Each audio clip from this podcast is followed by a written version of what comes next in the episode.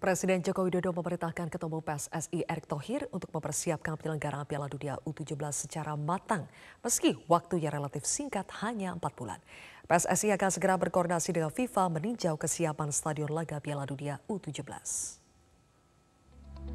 Usai FIFA menunjuk Indonesia sebagai tuan rumah laga Piala Dunia U17 yang akan digelar pada bulan November hingga Desember 2023 mendatang, Presiden Joko Widodo memerintahkan Ketua Umum PSSI Erick Thohir untuk secara serius mempersiapkan sarana pendukung laga Piala Dunia U17. Presiden menilai tidak perlu melakukan persiapan yang cukup besar, mengingat Indonesia telah melakukan persiapan saat ditunjuk menjadi tuan rumah Piala Dunia U20. Presiden menambahkan akan mencari solusi terkait kemungkinan jadwal bentrok penggunaan Stadion Gelora Bung Karno Jakarta karena di waktu yang bersamaan akan digelar konser grup musik Coldplay pada 15 November 2023 mendatang. Itu kepercayaan yang diberikan internasional, kepercayaan yang diberikan FIFA kepada Indonesia.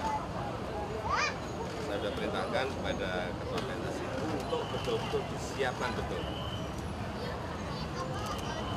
Venue-nya kan memang sudah sudah ada dari yang kemarin sudah kita perbaiki, artinya tinggal digunakan, tetapi manajemen semuanya harus disiapkan. Nah,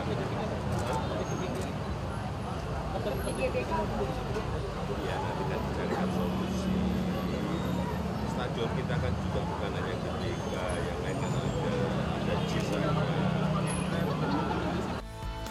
Ketua Umum PSSI Erick Thohir berencana segera membentuk tim Piala Dunia U17 untuk menunjang persiapan yang matang. PSSI juga akan mengundang FIFA untuk kembali meninjau ulang kesiapan venue sesuai dengan standar sepak bola internasional termasuk Jakarta International Stadium hingga Stadion Gelora Bung Tomo, Surabaya.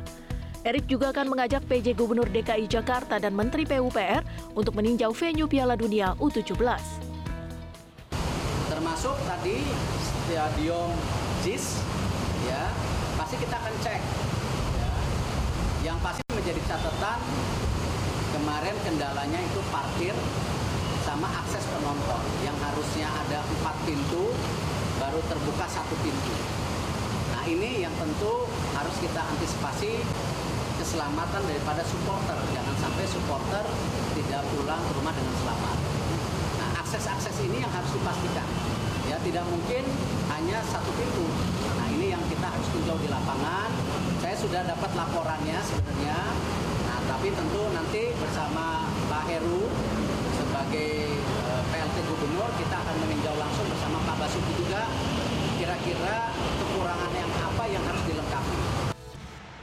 Federasi Sepak Bola Dunia FIFA resmi menunjuk Indonesia sebagai tuan rumah Piala Dunia U17 tahun 2023 melalui keputusan bersama pada sidang FIFA Council yang digelar di markas FIFA di Zurich, Swiss pada Jumat 23 Juni 2023 lalu.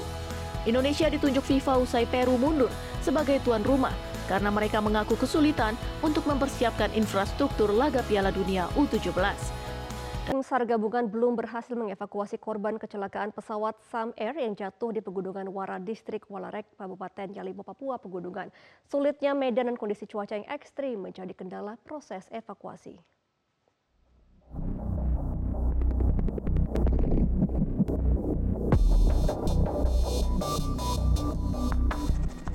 Upaya evakuasi korban jatuhnya pesawat Sam Air dilakukan dengan menerjunkan langsung enam personil gabungan.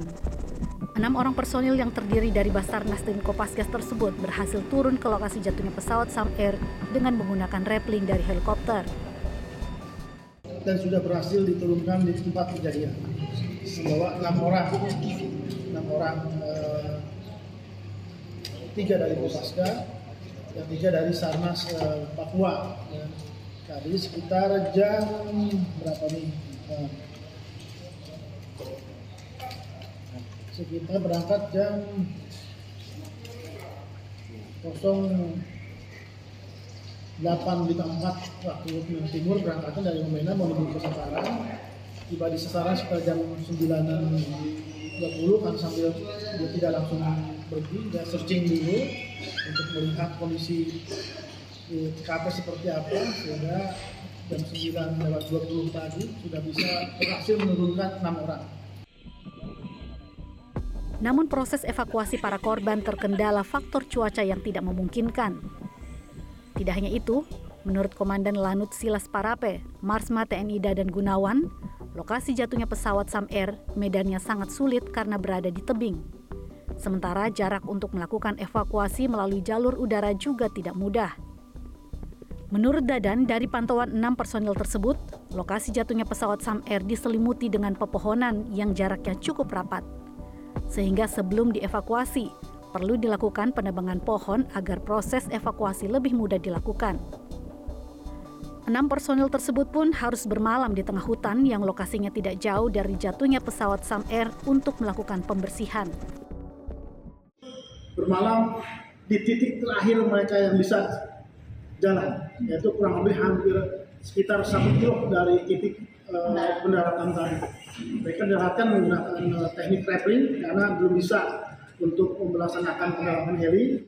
Pesawat Sam Air jenis karavan dengan nomor registrasi PKSMW hilang kontak pada Jumat 23 Juni lalu pukul 11.07 waktu Indonesia Timur atau beberapa menit setelah terbang dari Bandara Elelim menuju Bandara Ilaga, Papua. Pesawat kemudian diketahui jatuh 12 km dari arah Bandara Elelim di distrik Walarek, Kabupaten Yalimo, Papua Pegunungan. Puing pesawat ditemukan oleh helikopter yang melakukan pencarian. Saat kecelakaan, pesawat naas tersebut membawa enam orang, yakni pilot dan kopilot beserta empat penumpang. Orasi budaya dari seniman Butet Kartarajasa di peringatan bulan Bung Karno pekan lalu dinilai menyentil Menteri Pertahanan yang juga Ketua Umum Partai Gerindra Prabowo Subianto. Terkait dengan hal ini, Gerindra justru berdoa agar Butet selalu sehat supaya bisa bersama-sama menjaga persatuan NKRI. Jagoan Pak Jokowi rambutnya putih, gigih bekerja sampai jungkir balik. Hati seluruh rakyat Indonesia pasti akan sedih jika kelak ada presiden hobinya kok menculik. Isi pantun Raja Monolog Seniman Butet Kertarajasa pada puncak peringatan bulan Bung Karno yang digelar di Gelora Bung Karno Senayan Jakarta pada Sabtu 24 Juni 2023 lalu berbuntut polemik.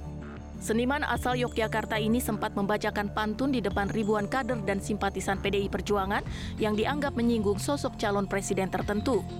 Juru bicara Menteri Pertahanan Prabowo Subianto, Dahnil Anzar Simanjuntak menyebut pihaknya tidak akan terbawa perasaan atas sindiran yang disampaikan Butet.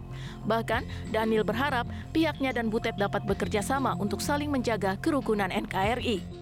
Dengan pernyataan Pak Mas Butet, eh, terus terang eh, kami tidak baper, tidak perlu eh, menanggapi terlalu banyak. Yang jelas komitmen Pak Prabowo dan pesan Pak Prabowo kepada seluruh kader Gerindra itu agar tetap uh, menghormati dan kemudian uh, saling menjaga persatuan, kemudian tidak mengejek dan tidak uh, baperan. Yang jelas nah kami tetap doakan Mas Butet selalu sehat, kemudian bisa bareng-bareng menjaga persatuan.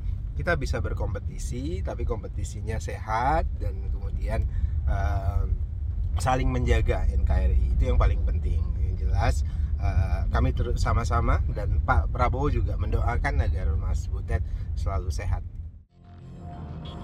Saat tampil di puncak peringatan bulan Bung Karno, Butet menyatakan pantunnya memang bermuatan politis. Selain berisi kenangan terhadap Bung Karno, isi pantunnya juga menyinggung jagoan Presiden Jokowi, yakni sosok calon presiden yang berambut putih. Kendati Butet tidak mengungkapkan secara eksplisit sosok yang dimaksud, namun pantun sindiran dari Butet tersebut disebut-sebut mengarah pada capres usungan Partai Gerindra, Prabowo Subianto. Aksi bakal calon presiden PDI Perjuangan Ganjar Pranowo yang menelpon PJ Gubernur DKI Jakarta usai belusukan di Pasar Anyar Bahari, Warakah, Jakarta Utara menuai sorotan. Sementara itu, PJ Gubernur DKI Jakarta, Heru Budi Hartono mengaku pihaknya telah menindaklanjuti keluhan pedagang Pasar Anyar Bahari.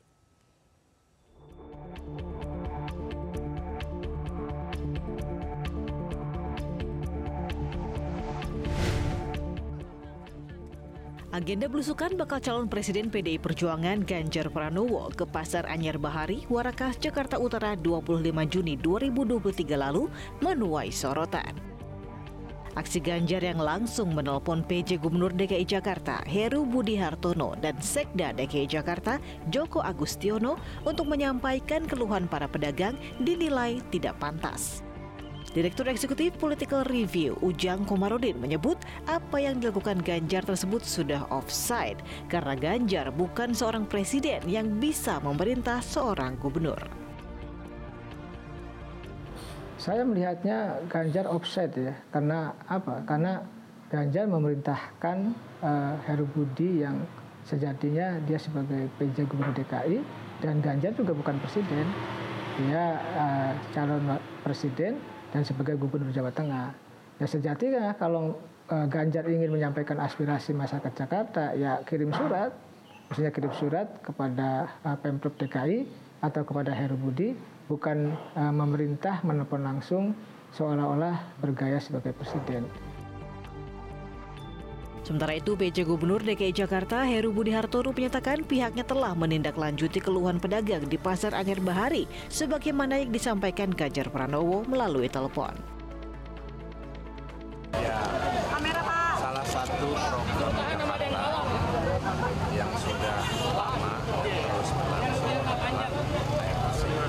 maka dari itu saya mendorong PAM bersama mitranya untuk mensuplai bersih antara lain bikin tandon-tandon yang besar di Kalibaru, di Muara Angke, di tempat-tempat yang memang rawan kekurangan air dan itu sudah dilaksanakan. Dan targetnya PAM adalah merevitalisasi pipa-pipa. Ganjar sendiri mengaku sengaja menelpon PJ Gubernur DKI Heru Budi Hartono dan Sekda DKI Jakarta Joko Agustiono karena kenal dengan keduanya. Ganjar menyebut ia juga melakukan hal yang sama di daerah lain.